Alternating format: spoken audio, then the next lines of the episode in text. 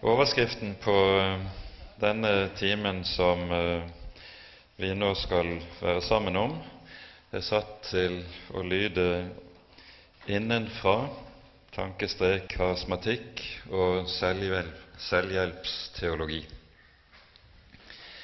Og jeg kunne ha lyst til å lese innledningsvis en uh, salme som jeg for egen del er meget glad i, av uh, Thomas Kingo, som setter ord på helt sentrale saker som har med den kristne livet å gjøre. Den står i Delksalmeboken nummer 429. Den er dessverre ikke på sangarkene, ellers skulle vi ha sunget den innledningsvis nå. Ehm, men den eh, lyder altså slik Aldri er jeg uten våde, aldri dog foruten nåde. Alltid har jeg sukk og ved, alltid kan jeg Jesus se. Alltid trykker mine synder, alltid Jesus hjelp forkynner. Alltid står jeg under tvang, alltid er jeg full av sang. Snart i sorg, snart vel til mote, snart i fall og snart på fote, ofte uten sinnets ro, alltid fylt av Jesu tro. Så er sorg til glede lenket, så er drikken for meg skjenket, besk og søt i livets skål. Dette er mitt levnets mål. Jesus, jeg med gråt vil bede, hjelp du til at troens glede fremfor synd og sorger må alltid overvekten få.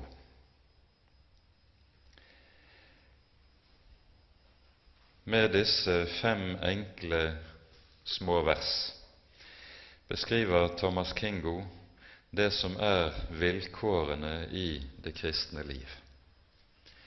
En kristen lever alltid i en spenningsfylt dobbelthet, der han på den ene siden står som Jesus sier det, fattig i ånden.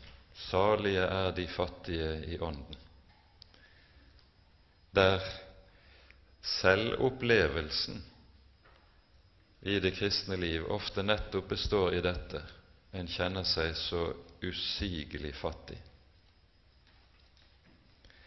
mens det samtidig lyder troens evangelium som sier Han som ikke sparte sin egen sønn, men ga ham for oss alle, hvorledes skulle han kunne annet enn å gi oss alle ting med ham. Og Med det settes det ord på at i Kristus har Faderen gitt oss en rikdom så usigelig og så stor at vi aldri riktig kan være i stand til å gripe og forstå det. Det vi ser, med våre øyne, er ofte vår egen hjelpeløshet, vår egen fattigdom. Det troen ser, ikke med det ytre øyet, ofte ikke føler det og kjenner det med egen erfaring, men som holdes frem i et ord og et løfte, det er hva vi eier i Kristus. Vet du ikke at du er rik? Slik lød en liten vise som ble sunget på 70-tallet i ungdomsflokkene. Vet du ikke at du er rik? Og Dette er den dobbeltheten som kjennetegner det kristne liv. Dette er den spenningen en kristen lever i. Det er våre kår her i verden. Samtidig er saken også den at vi de siste hundre år har sett den ene bevegelse etter den andre dukke opp på arenaen med tilbud. Gode tilbud som skal hjelpe oss til å slippe ut av denne følelsen av fattigdom, av hjelpeløshet, slik at vi skal få det til som kristne. Noen bruker flotte ord om dypere liv. Andre kommer med store plakater og forteller oss Gud har mer å gi.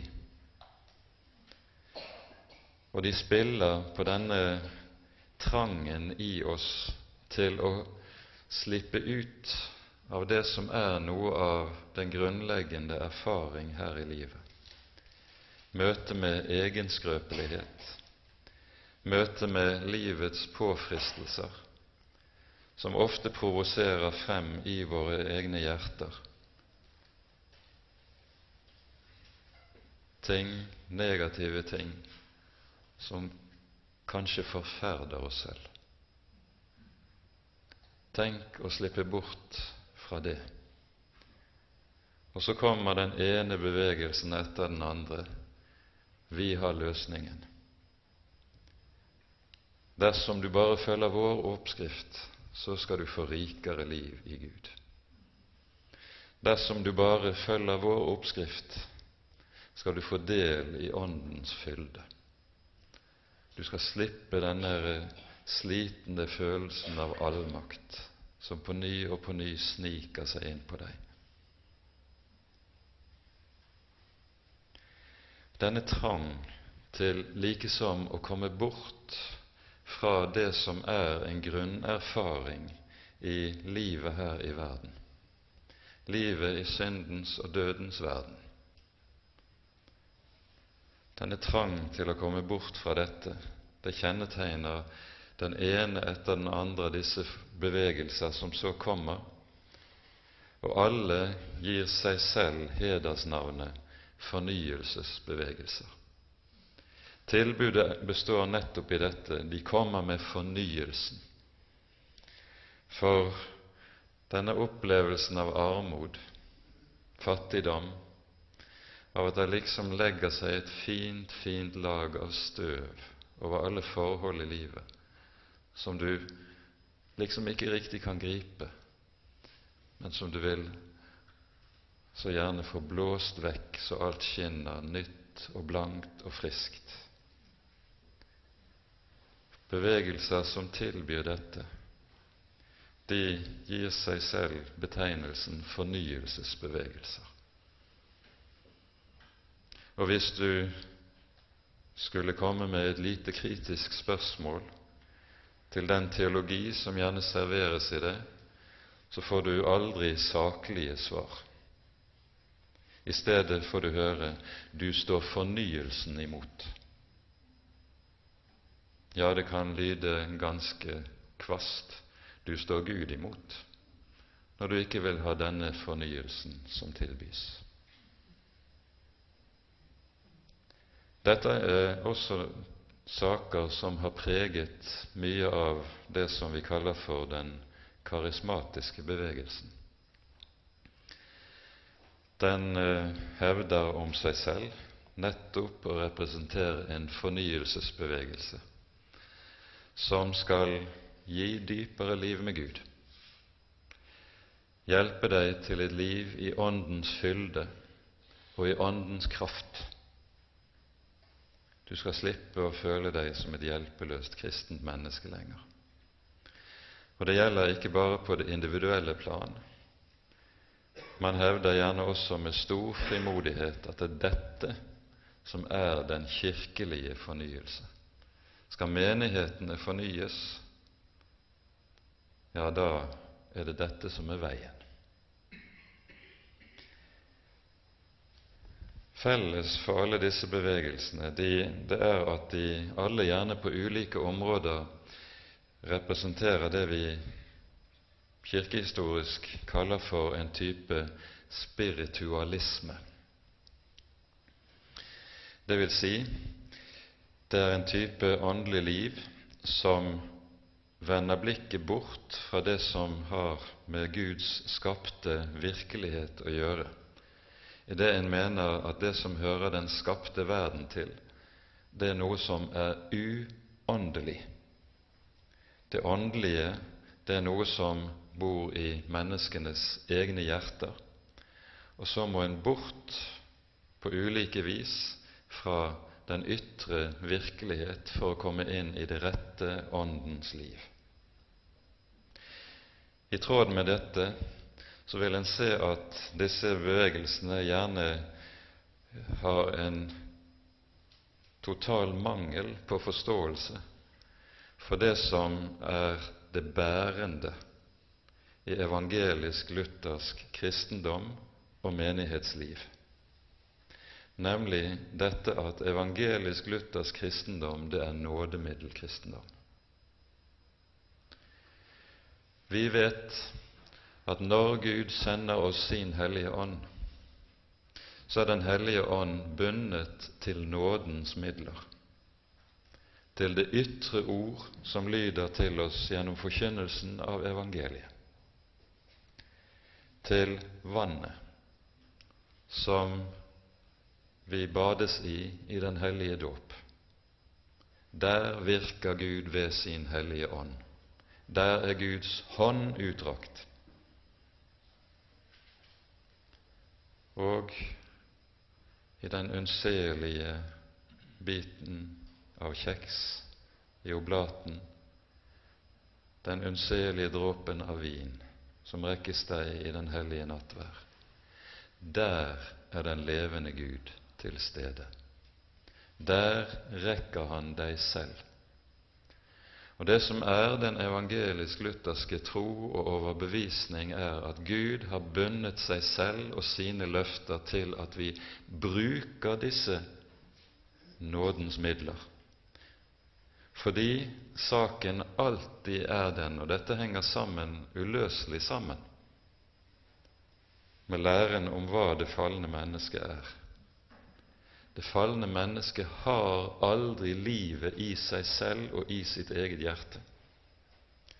Livet er noe som må komme til oss og rekkes til oss utenfra. Jeg må komme til oss og rekkes til oss utenfra på ny og på ny, og jeg er avhengig av å få dette om igjen og om igjen utenfra. Derfor er Luthers kristendom nådemiddelkristendom i den betydning at vi vet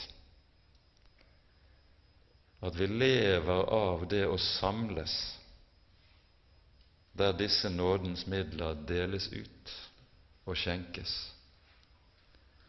Derfor er lutherske kristne like som biene som samles der honningen finnes. Og honningen det er evangeliet som lyder, dåpens vann som renner, nadværens brød og vin som rekkes oss. Der er livets kilde. Luthers kristendom er nådemiddelkristendom.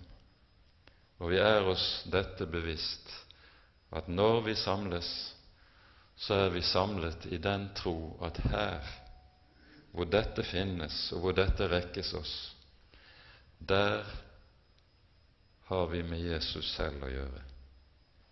Der drar Gud oss inn i sitt nærvær, rekker oss sin frelses rikdom. På ny og på ny vasker oss ren i syndenes forlatelse. Dette er gaven, og dette vet den lutherske kirke.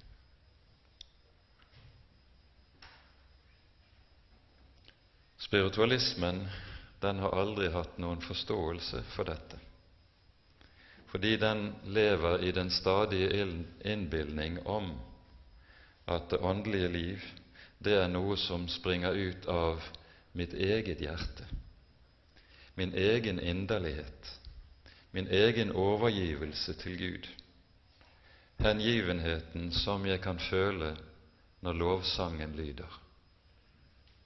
Det er ikke tilfeldig at vi hørte i et avisintervju før sommerferien en ungdom som uttalte seg og sa følgende Han følte aldri Guds nærvær under forkynnelsen, men i lovsangen, når en henga seg i musikken, hengivelsen der, da føltes Guds nærvær. Med det settes det ord på den, hele denne åndsstrøm som vi her står overfor. Men det som kjennetegner den lutherske kirke, er nettopp det at den vet Gud har knyttet løftet om sitt nærvær til nådens midler, ikke til noe annet. Det er i nådens midler du møter den levende Gud. Det er de nådens midler Jesus kommer til deg på ny og på ny. Og han kommer til deg der, hvordan du enn føler deg. Det er totalt irrelevant hvordan du føler deg, eller hvordan du har det. For Jesu løfte er bundet til at han står ved det han har sagt ikke til hvordan du måtte føle og oppleve det. Så kan du ved nadværbordet føle den største jubel over syndenes forlatelse en søndag, og en annen søndag oppleve det som at det var sandpapir som ble delt ut. Men det spiller ingen rolle. For Jesus er til stede enten du føler slik eller slik. Han har gitt et løfte, og det er det løftet, det er i kraft av det løftet, sakramentet står, nådemiddelet har sin validitet. Derfor vet den lutherske menighet også at jeg lever av det som rekkes meg utenfra ikke av et eller annet åndelig liv som jeg kan klare å få til å blomstre, blomstre innvendig. I Åndens hengivelse kan karismatikeren føle dypt og inderlig på nærværet, men det hele tiden tale om et eller annet som skal røres opp innvendig.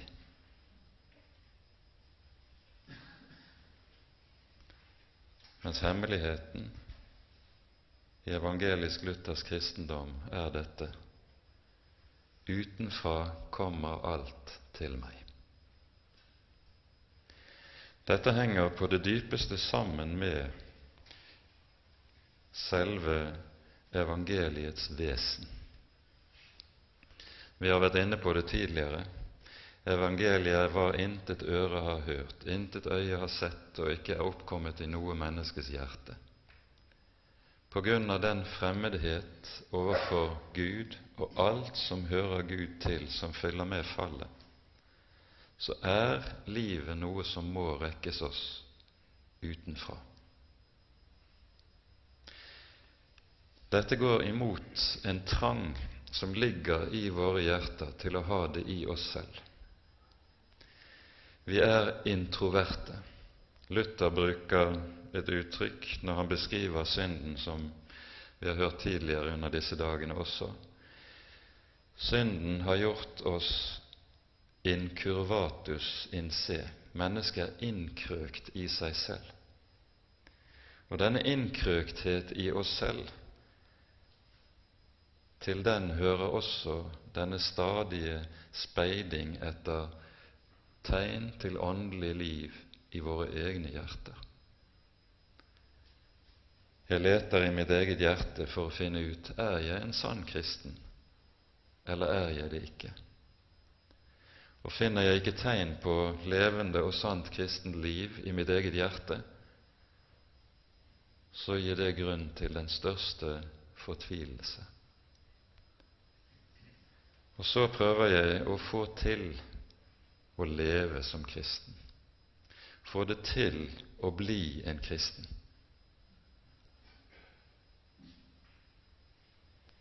Og så sørger Gud for at du ikke får det til. Tenk det. Den levende Gud sørger for at du ikke får det til. For mange år tilbake var, det en av mine fedre i troen en bibeltimeserie som hadde følgende overskrift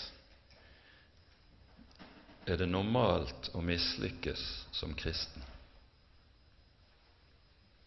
Til det svarte han et bekreftende ja.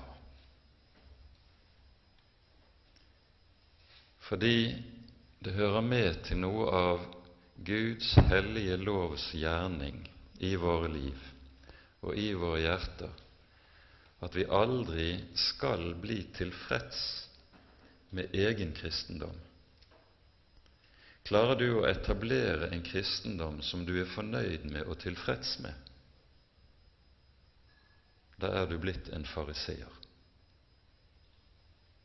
Da er du blitt et selvrettferdig menneske som er mer i slekt med han vi hører om i tempelet i Lukas 18,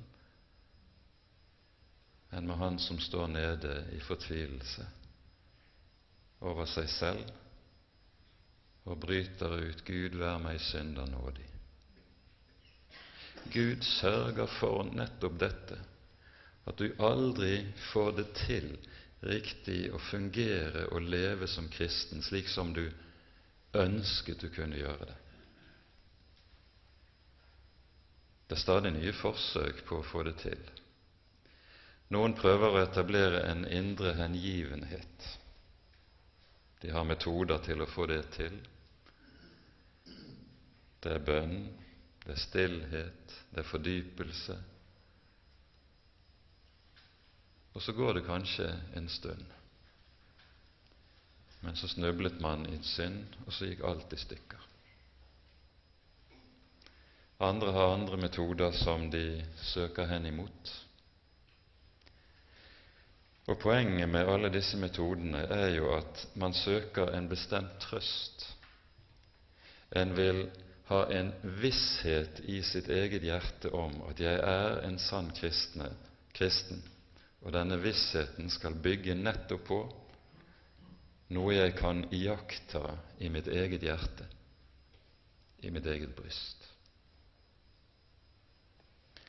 Skriften har et meget sterkt og tydelig svar på dette. I Kolosserbrevet leser vi slik i det tredje kapittelet De tre første vers i Kolosserbrevets tredje kapittel lyder slik.: Er dere da reist opp med Kristus, så søk det som er der oppe, der Kristus sitter ved Guds høyre hånd. La deres sinn være vendt mot det som er der oppe, ikke mot det som er på jorden. Dere er jo døde og deres liv er skjult med Kristus i Gud. Du leter etter tegn på åndelig liv i ditt eget hjerte. Du vil ikke finne det, for Skriften sier deres liv er skjult. Det er skjult med Kristus i Gud. Det betyr at dermed er det liv som vi eier i Kristus, ikke noe du kan iaktta hos deg selv, ikke noe du kan erfare og finne gjennom å grave i ditt eget hjerte. Tvert om. Retter du blikket innover, så ser du ikke annet enn det som apostelen her sier dere er jo død. Du ser din egen død. Du ser ditt eget armod. Du ser din egen synd. Du ser din egen skam. Ditt mislykkede kristenliv. Du er jo død. Det er ingen overraskelse at du ikke finner noe av dette i ditt eget hjerte. Og Derfor sier apostelen at vi skal ikke se innover, vi skal se oppover. La deres hu være vendt til det som er der oppe, der Kristus er ved Guds høyre hånd. Det er deres liv. Men det innebærer jo også at blikket må være vendt der vi ser, der vi finner Kristus, nemlig i Ordet i evangeliet. Du finner ham ingen andre steder. Du ser ham ingen andre steder. Her er ikke det tale om et blikk der man prøver å male Jesus for sine øyne i en eller annen form for indre visjon. Nei, for det er i ordet i evangeliet Kristus males for våre øyne som korsfestet.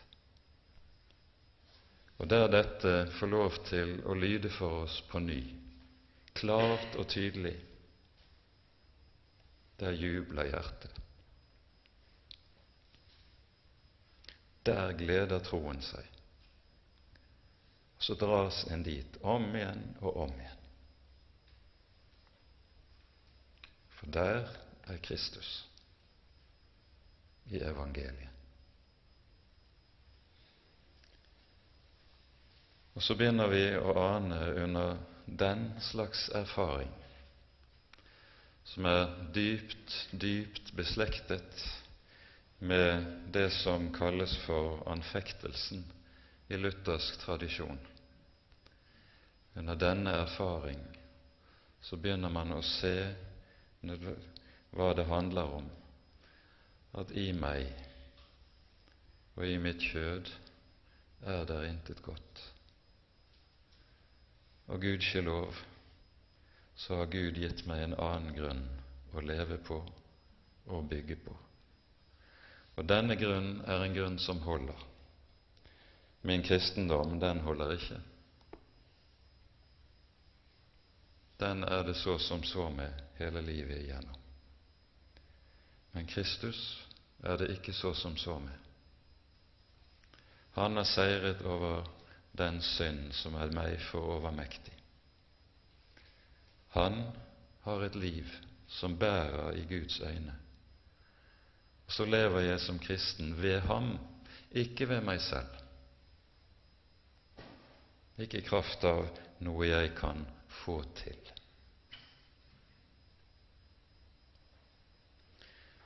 Og vi forstår fornyelse i bibelsk forstand. Det er ikke noe annet enn at evangeliet kommer til oss igjen. Syndenes forlatelse rekkes meg på ny. Og så skal jeg få lov til å reise meg fri og glad fra Herrens bord, fordi Han har kommet til meg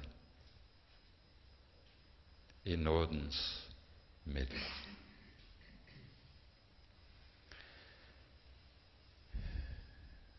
Den som er på leting etter og ønsker å etablere dette åndelige liv i sitt eget hjerte,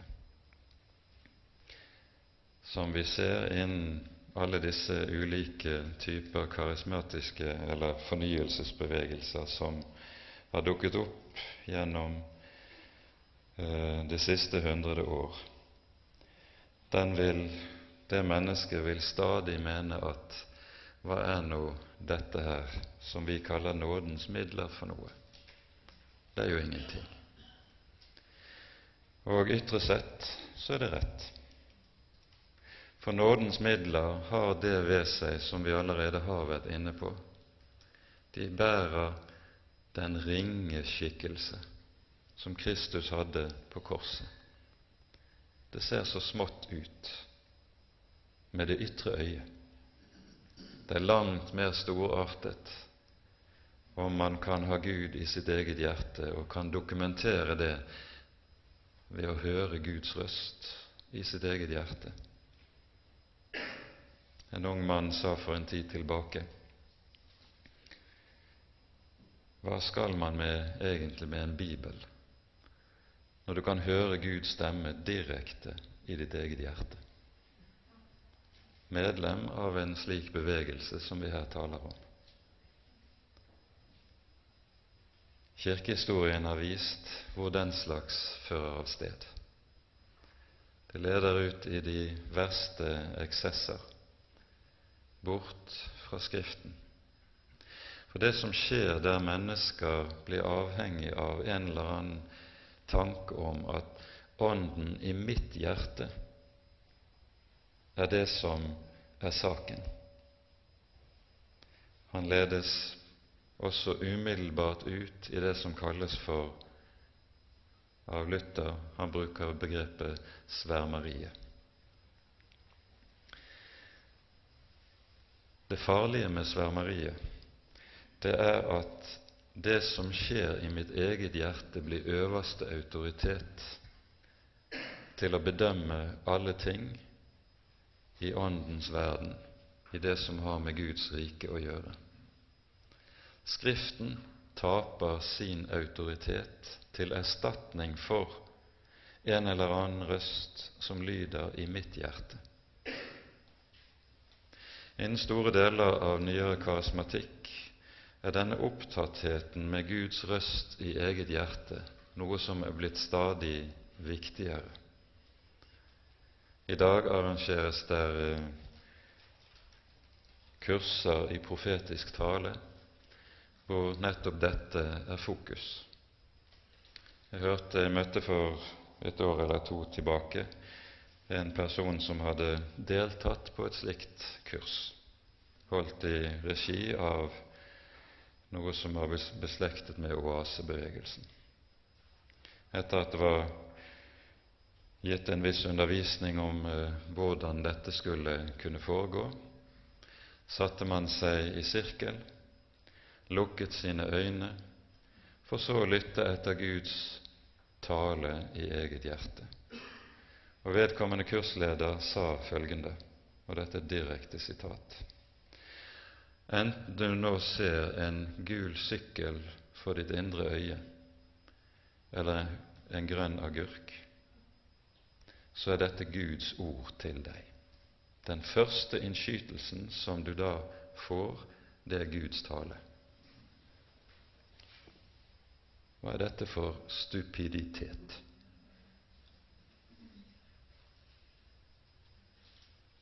Hva slags budskap er det i en gul sykkel eller i en grønn agurk?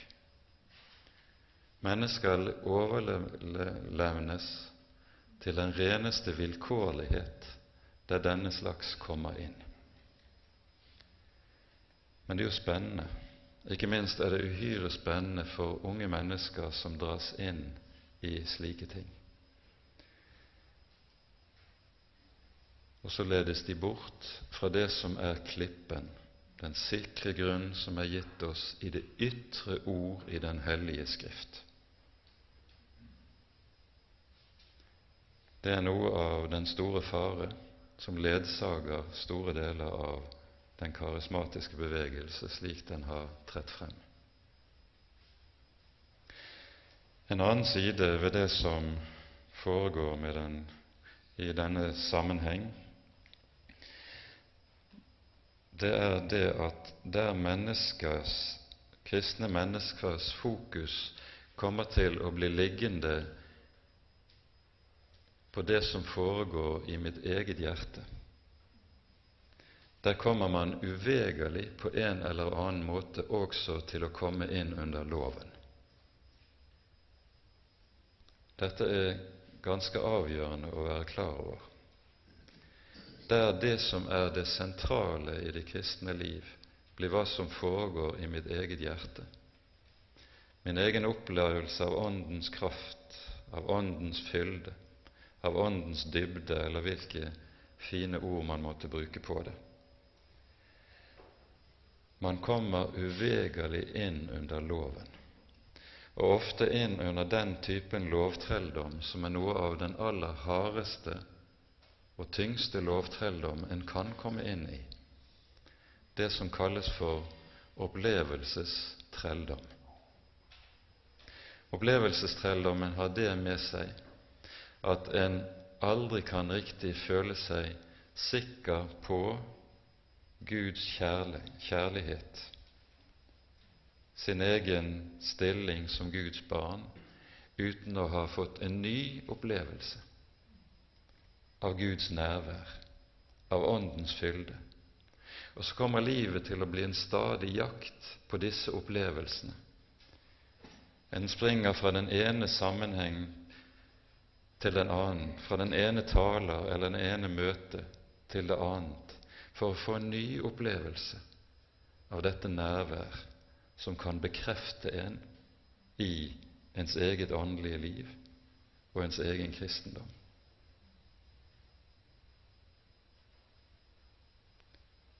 Mennesker som har det på det vis, har det ofte uhyre vanskelig. Og de er selv ikke i stand til å forstå hva det er som er galt.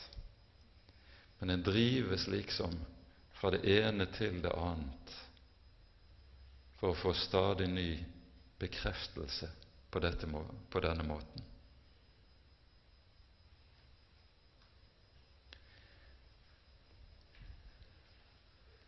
Anfektelsen, slik vi møter den i, både i Den hellige Skrift og i den kristne erfaring, er noe som er satt ord på i Davids salme 3. Dette er en av de salmer som er skrevet i den dypeste nød av David. Foranledningen her er det at Absalom har gjort opprør, David er på flukt. Så lyder det en røst til David slik Mange sier til min sjel, det er ingen frelse for ham hos Gud. Det er kjernen i anfektelsen. En kjenner seg forkastet av Gud. For Davids vedkommende var det slik at det var bestemte ytre opplevelser av nød, trengsel, krig, som gjorde at tanken lå meget nær. Det jeg nå opplever, er tegn på at nå er jeg forlatt av Gud, forkastet av Gud. Og Dette er også noe av den nød som et kristent menneske kan oppleve når livet kan være tungt og vanskelig. En leser like som smerten en er inni, som tegn på jeg er forkastet, jeg er forlatt. Og Hvis en i en sånn situasjon da får høre den typen forkynnelse som sier din nød er tegn på at din tro er for svak, at du ikke blir helbredet, er tegn på at du ikke har bedt nok, at du ikke har tro nok. Slike røster som har lydd om igjen og om igjen i disse såkalte fornyelsesbevegelser det siste hundre år. Da tjener disse røster ikke til annet enn å dytte en dypere og dypere inn i mørket. Det er ingen frelse for deg hos Gud.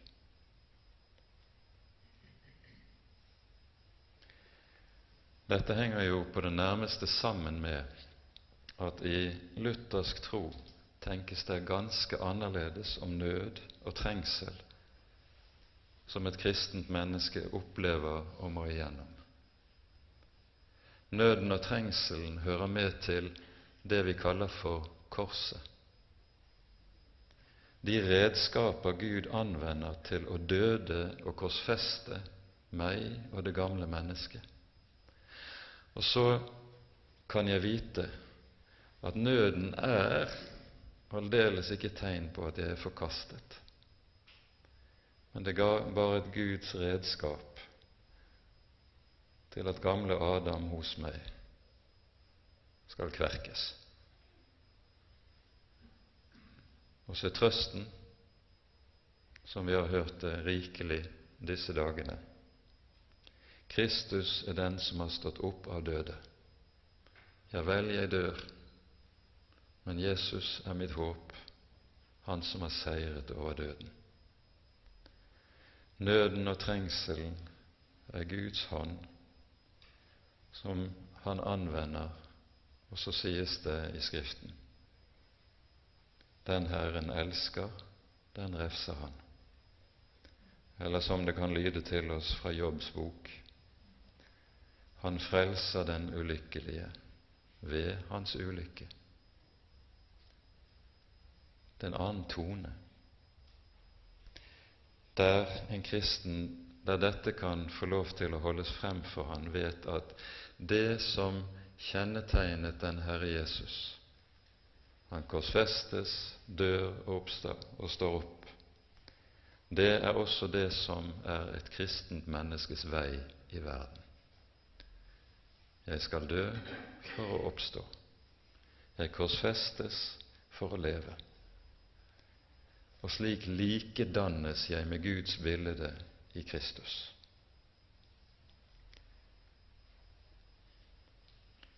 Dette er det Paulus tematiserer i andre Korinterbrev, i det tolvte kapittel, når han taler om tårnen i kjødet. Han forteller om sine høye åpenbaringer som Gud har gitt ham. Han har ikke fri, han er ikke blitt gitt frihet til å fortelle hva dette dreier seg om. Men så kommer det for at jeg ikke skal opphøye meg av disse høye åpenbaringer, er det gitt meg en tårn i kjødet, en Satans engel som skal slå meg, for at jeg ikke skal opphøye meg. Tenk det. Det handler om at Gud anser det som nødvendig å gi apostelen denne typen tukt med tanke på å knekke det hovmod som ligger ved roten også av hans hjerte, like som det gjør det i ditt hjerte og i mitt hjerte. Så dødes apostelen. Han opplever det som at denne Satans engel som slår ham, den hindrer ham.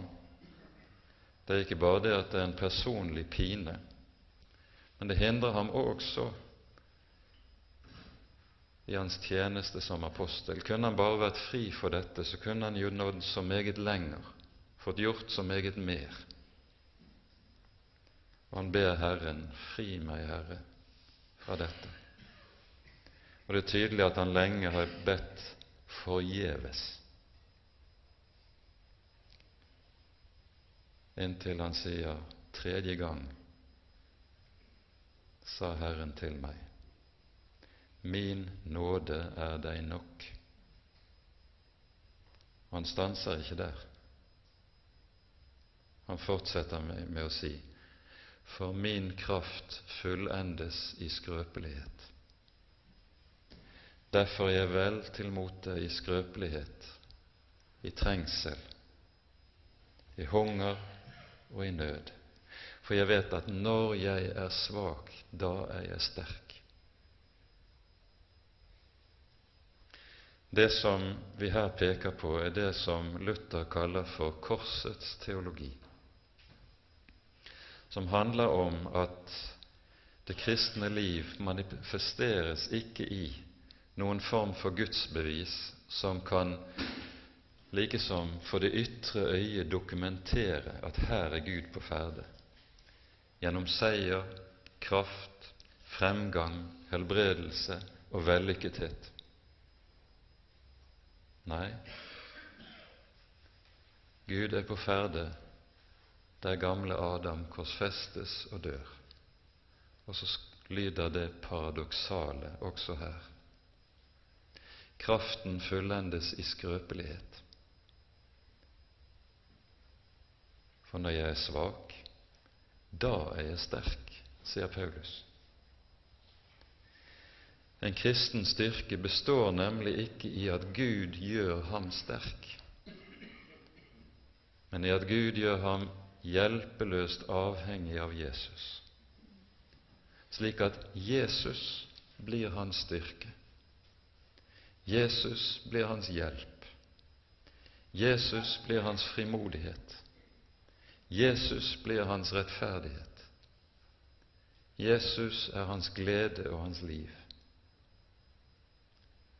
Og Gud har ofte meget strev med deg og med meg, meget arbeid med oss for å få ført oss inn dit at blikket blir stående der. Det er Jesus som er det jeg behøver, og som er min rikdom.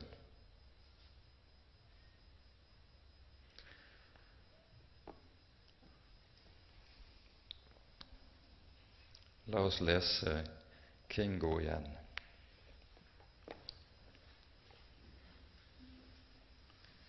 Aldri er jeg uten våde, aldri dog foruten nåde. Alltid har jeg sukk og ved, alltid kan jeg Jesus se. Alltid trykker mine synder, alltid Jesus hjelp forkynner. Alltid står jeg under tvang, alltid er jeg full av sang. Snart i sorg, snart vel til mote, snart i fall og snart på fote. Ofte uten sinnes ro, alltid fylt av Jesu tro. Så er sorg til glede lenket, så er drikken for meg skjenket, besk og søt i livets skål. Dette er mitt levnets mål. Jesus, jeg med gråt vil bede, hjelp du til av troens glede, fremfor synd og sorger må, alltid overvekten få.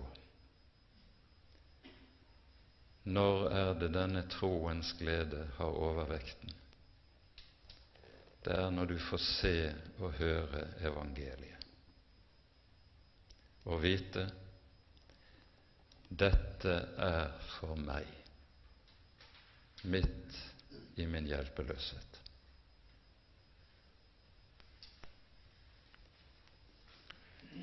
Ære være Faderen og Sønnen og Den hellige ånd, som var og er og være skal, en sann Gud, høylovet i evighet. Amen.